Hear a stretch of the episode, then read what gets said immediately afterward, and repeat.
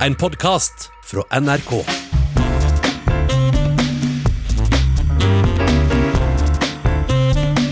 Et av de mest spesielle halvår på lang tid i norsk politikk og mot slutten. Partiene oppsummerer, og det samme skal vi gjøre på vårt vis. Det politiske året 2020 begynte med at Fremskrittspartiet gikk ut av regjering. Så holder det fram med bråk i Venstre, der Trine Skei Grande sa for seg ledervervet. Vi har hatt et dramatisk eh, oljeprisfall som har gått under koronakrisas radar. Den har på si side skapt politisk unntakstilstand også i vårt land. To stikkord til er verdt å ta med inn i samtalen. For onsdag ble Norge innvalgt i FNs sikkerhetsråd, og i dag er dagen da Senterpartiet kan markere at det er 100 år siden det ble stifta. Og for å begynne med det siste, sjefredaktør Trine Eilertsen i Aftenposten. Det er jo en eh, ganske livskraftig hundreåring som Trygve Slagsvold Vedum leier. Ja, hvis noen hadde sagt for eh, syv-åtte år siden at Senterpartiet skulle være eh, veldig ofte Norges tredje største parti på 100-årsdagen, så tror jeg ikke så mange hadde trodd det den gangen. Det har virkelig hatt en helt formidabel vekst siden eh, valget i 2013. Sjefredaktør Irene Halvorsen i Nasjonen, ei avis som står Senterpartiet nærere enn de fleste andre aviser. Velkommen til deg også. Tusen takk. Eh, hva er din forklaring på Senterpartiets eh, sterke stilling eh, på 100-årsdagen? Nei, det er eh, politikken og personene, enkelt forklart. Eh, Trygve Slagsvold Vedum har lykkes i å eh, samle partiet fra veldig sterke konfliktlinjer som rev partiet under eh, tidligere ledelse.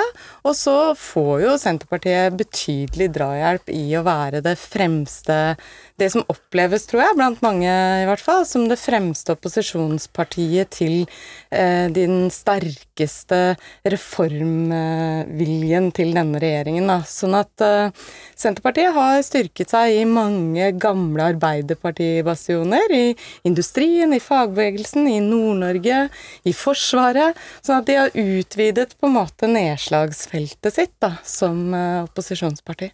Men hvordan passer det, Trine Eilertsen, i et bilde der en snakker rød-grønn allianse? For uh, Senterpartiet med sin oljeentusiasme, og for så vidt også forsvarsentusiasme, og, og skepsis også til en del av uh, klimakampen, beveger seg jo vekk ifra SV-ståstedet.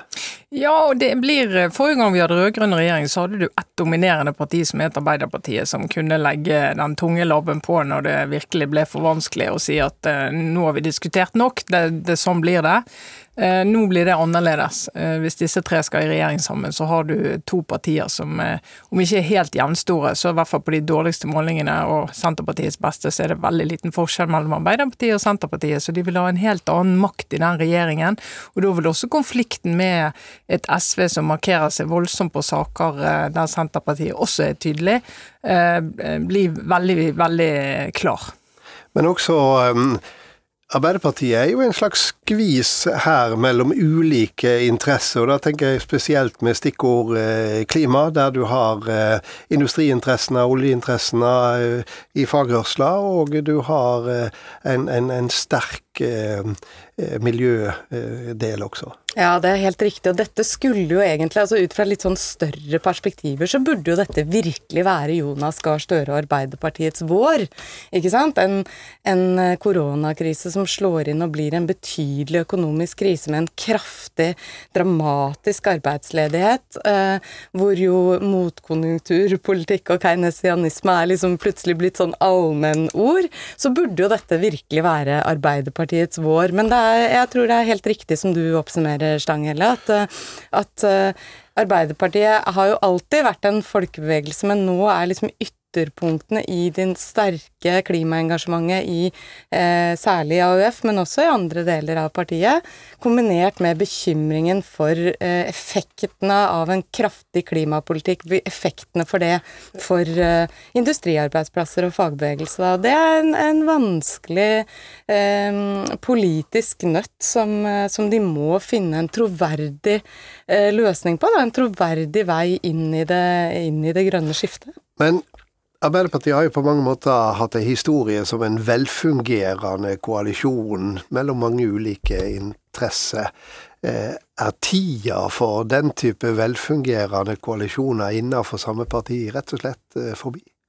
Altså, I hvert fall når de sakene som de har klart å samle i partiet, på en måte er de viktigste konfliktsakene som alle partier er opptatt av nå. Både klima og innvandring, integrering, flyktningpolitikk er jo blant de to mest eh, de kampene der, sakene der frontene er tøffest. Og de går tvers gjennom Arbeiderpartiet.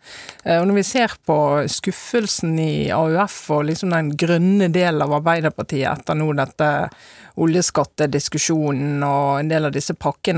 Eh, hvor skuffet de er over det, over det som skjedde med E18 i Oslo. hvor De på en måte opplever at på landsmøtene begynner de å, å ta, ta, grunn, men når det virkelig kommer, og det står hardt mot hardt, så vinner liksom det gamle Arbeiderpartiet. Da. Sånn at Den konflikten der er jo i hvert fall ikke mildere i Arbeiderpartiet. Det er ikke blitt lett lettere for Jonas Gahr Støre å klare å samle disse kreftene nå, for det er både skuffelse og reell politisk uenighet. Det her er ikke bare liksom taktikkeri og spill, det er helt uh, kjempeekte uenighet. Men disse to konfliktlinjene går jo på en måte veldig sentralt gjennom begge de to begge de to koalisjonene som utgjør det vi kan regne med er regjeringsalternativene.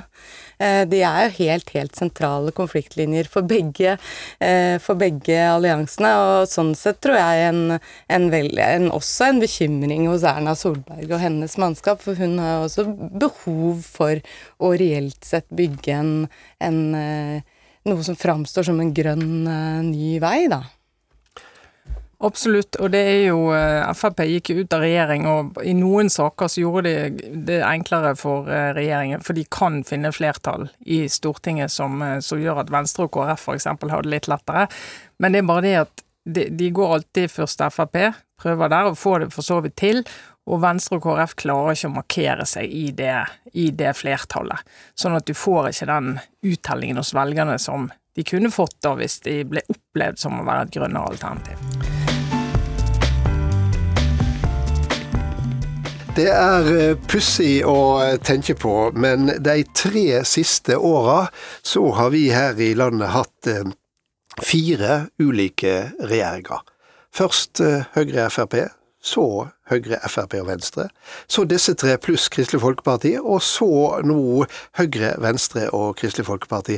Hadde vi sett noe slikt i et annet land, så ville det nok vært brukt ord som ustabilitet på lederplass i både Nasjonen og Aftenposten, eh, sjefredaktør Trine Eilertsen. Ja, kan hende vi er litt sånn preget av både valgordning og, og de, de ordningene vi har for at uh, når du faktisk er Stortinget er valgt, så er det satt sammen sånn som det er ut perioden. Enkelte land så har du jo nyvalg hvis det blir for store endringer for å få velgernes bekreftelse på at dette er nasjonalforsamlingens sammensetning som de ønsker seg.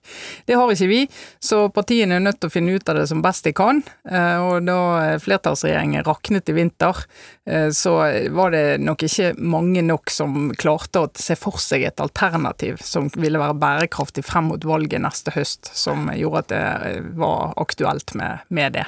Men i norsk politisk historie så har vi aldri hatt tre ulike regjeringskonstellasjoner under den samme statsminister på tre år? Nei, det, tror du må snakke med en statsminister som kan jobbe under veldig mange ulike forhold, altså. For det er Du skulle jo tro at det var veldig vanskelig, for det er vidt forskjellige strategier mm. du skal jobbe inn under når du skal jobbe inn i Stortinget for å få flertallet, når du faktisk i prinsippet slipper det, men kan løse tingene på statsministerens kontor sammen med noen eh, samtaler med de andre partiene. Eh, men det har jo eh, Erna Solberg gjort eh, tilsynelatende uten å være veldig berørt av det. Men det er klart for politikken og effektiviteten i gjennomføringen og sånn har det jo ganske mye å si. Ja, og det er jo Erna Solberg vi snakker om, Irene Halvorsen. Hun har en voldsom posisjon nå etter å ha greid å, å, å holde dette sammen og lede landet nå i, på det 20. året. Ja visst, det har hun. Eh, helt opplagt. Og det ville hun hatt, eh, tror jeg, liksom uavhengig av koronakrisen, så ville hun hatt en, en sterk posisjon. Og så vil en sånn krisesituasjon, når man faktisk lykkes å lede gjennom en sånn krisesituasjon, så vil det gi et ytterligere eh, styringstillegg. Men det er ikke mulig å ta fra Erna Solberg eh, æren av at hun faktisk, eh, i hvert fall i første omgang, lykkes med sin store drøm, nemlig å samle eh, alle de fire borgerlige partiene. Og eh, jeg mener jo også at den ustabiliteten som disse fire eh, regjeringskonstellasjonene viser, da, viser jo også noe med hennes styrke, hvor hun da ok, jeg får ikke til det, jeg får ikke til det, men jeg kan få til liksom eh, Likevel så har jeg en kjerne her av hva som er min langsiktige målsetting, hva, hva, jeg og partiet Høyre mener er de viktigste reformene for Norge. Og hun, og hun, eh, hun er jo på en måte en politiker med, eh, med og dette er sagt med kjærlighet, med, med byråkratens fremste liksom, gjennomføringskraft som, som, verktøy. Da. Og det har sine fordeler og ulemper, men mange fordeler. Og så er jo noe så sjelden som en dønn rolig, til dels lavmælt og fleksibel bergenser, Trine Eilertsen? ja, de fins, som vi i disse tider når vi er opptatt av at folk ikke skal ha fordommer og dømme alle og skjære alle over en kam, så kan vi bekrefte at hun har et annet lynne enn mange andre profilerte bergensere har. Men det er mange uprofilerte bergensere òg. Nei da, hun, eh, hun, har eh, Det hun har klart å gjøre da, med alle disse ulike endringene i regjering, det er jo at hun har hun, det, er ikke, det, er ikke, blitt brent noen broer. Mm. Sånn at hun, eh, Frp går ut av regjering i en slags vennskapelighet. Og Erna Solberg slår fast at vi er fremdeles nære venner, politiske venner, og vi skal samarbeide med de. Og det er ikke noe sånn voldsom dørslamring. Så har jo Frp de har jo gått ut fordi at de har lyst til å markere seg i egensakene sine. Og det gjør de. Og det gjør de, å øke på målingene. Har vært med veldig varierende suksess, riktignok. Eh, og korona kom jo og forstyrret hele den planen i vår for de, eh, men de har jo fått markert seg. Men Erna Solberg er jo rolig, og vi skal bli enige med de til slutt, så langt det lar seg gjøre. Men for, for å fjerne oss litt ifra taktikken og strategien og til realitetene her. altså Det har jo vært politisk unntakstilstand over hele verden, men også i Norge pga. koronakrisa. Samtidig så har en jo hatt en dramatisk fall i oljeprisen som betyr mye for Norge, som har kommet litt under radaren. Er det den som vil prege norsk politikk eh, utover i 2020 og 2021 fram mot valget? Ja, nå har prisene gått litt, eh, litt, opp igjen, men de er jo ikke i nærheten av der de er for at mange av disse prosjektene skal være bærekraftige. Eh, og det vet vi betyr mye for Norge. og Det er en litt sånn tverrfaglig erkjennelse av at det er nesten som en sånn ekstern krise det, er, sant? som ikke du, du kan ikke påvirke den prisen, og du må prøve å løse det som best du kan. Så vi har jo sett både under eh, finanskrisen, når vi fikk den type krise, og under forrige oljeprisfall, at det ikke Eh, nødvendigvis skader de som sitter i posisjon. Det handler diskusjonen om ikke hvem sin skyld det er, men hvordan skal vi bøte på dette, hva er det mest effektive. Og akkurat nå i korona ingen som vet hvor lenge krisen varer, ingen som vet hvor dyp den blir, så du ser at politikerne famler litt og gjør det de kan best, bare pøse på med penger på alle saker som foreslås. Ja, og der har jo svaret vært til nå. Men så kommer høsten, så kommer vinteren, så kommer valgåret. Hva ser du da, Irene Alvorsen? Nei, Jeg ser en veldig tøff høst og en tøff år. For det første så tror jeg at vil, frontene vil skjerpes eh, kraftig når statsbudsjettframlegget kommer i oktober. Um, um, finansministeren kommer til å legge fram noe som er strammere. Og akkurat mens vi snakker nå, så jo, holder jo rådmennene på rundt om i norske kommuner og legger fram sine utregninger og forslag til budsjetter, og krisepakkene for kommunene er jo per nå på ingen måte dekkende for de tapene som rapporteres om rundt omkring. Og det kommer ikke norske kommunepolitikere til å ville la Altså, de kommer ikke til å ville legge fram kutt på tjenestesektor etter tjenestesektor og ikke henge bjella på kua med hensyn til hvem de mener er skyld i det. Så her blir det en eh, skarp politisk eh, kamp om, eh, om historiefortellingen og om hvem hvem, eh, på en måte som må sitte med den politiske regninga for, eh, for, for, de oppgjørene som kommer nå. Det har jo vært en del eh, breie politiske forlik i koronakrisas kjølvann. Nå er det valg neste år det gjør vel at eh, tida for politiske forlik er over fra nå av og utover? Jeg tror velgerne har veldig stor forståelse for, og egentlig glad for, at vi har eh, forlik i sånne situasjoner som vi har stått i nå. Men de er tidsbegrenset, altså både reelt og, og, og bør være det. Eh, sånn at neste år så tror jeg en av de store diskusjonene, i tillegg til at det blir en, en statsøkonomisk diskusjon om hvor retningen går, så blir det jo dette med regjeringsalternativ. Altså, man har jo trodd at Erna Solberg hadde klart å samle de fire. Eh, men hva alternativ går Frp til valg på? De gikk ut av regjering. Hva alternativ går de andre til valg på? Så jeg tror i hvert fall eh, vi skal få snakke om mye kaos på begge sider, i tillegg til alle sakene vi skal snakke om. Og så runder jeg av med min faste kommentar. Her er denne vekas Stang inn, stang ut. I dag har regjeringa lagt fram si vindkraftmelding. Det var nok på høg tid, for vind høster storm. Utbygging av vindkraft har mange steder i landet vårt ført til et konfliktnivå det er lenge siden vi har sett i slike saker. Det står mellom utbyggere og lokalbefolkning, mellom naturinteresser og klimavennlig kraft, og ikke minst, det står om lokal forankring, eller rettere, mangel på lokal forankring. 70-tallet var tiåret for de virkelig store kampene der vern sto mot kraftinteresser. Symboltunge navn som Mardøla og Alta-Kautokeinovassdraget blir stående i norsk historie fra disse stridsåra. Verneinteressene gikk på mange tap før den politiske vinden snudde. Det politiske Norge brukte altfor lang tid til å oppdage hva for umistelige verdier som var i ferd med å gå tapt. Mange av oss trodde nok nå at de konfliktfylte oppgjørene med norsk natur i potten var historie. Der tok vi feil. Planene om vindkraftutbygging har igjen tent et voldsomt engasjement, det står mye urørd natur på spill, og vi har nå flere døme på elendige prosesser og overkjøring av gode lokalsamfunn. Det er dette regjeringa med si vindkraftmelding vil rydde opp i. Ifølge olje- og energiministeren er det snakk om ei historisk innstramming og mer lokal forankring. Vi får håpe det lukkast. For det siste er i alle fall avgjørende. Så er det ufattelig for mange av oss at det nettopp her i Norge skal være så vanskelig å finne plass til vindmølleparker som det ikke blir konflikt av. Det burde virkelig være mulig.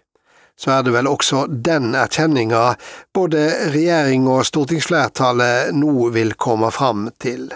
Det er verdt å ta med seg som et lyspunkt nå når summeren står for døra. God helg og god summer.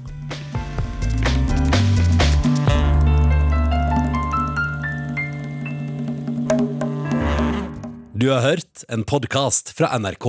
Hør flere podkaster og din favorittkanal i appen NRK Radio.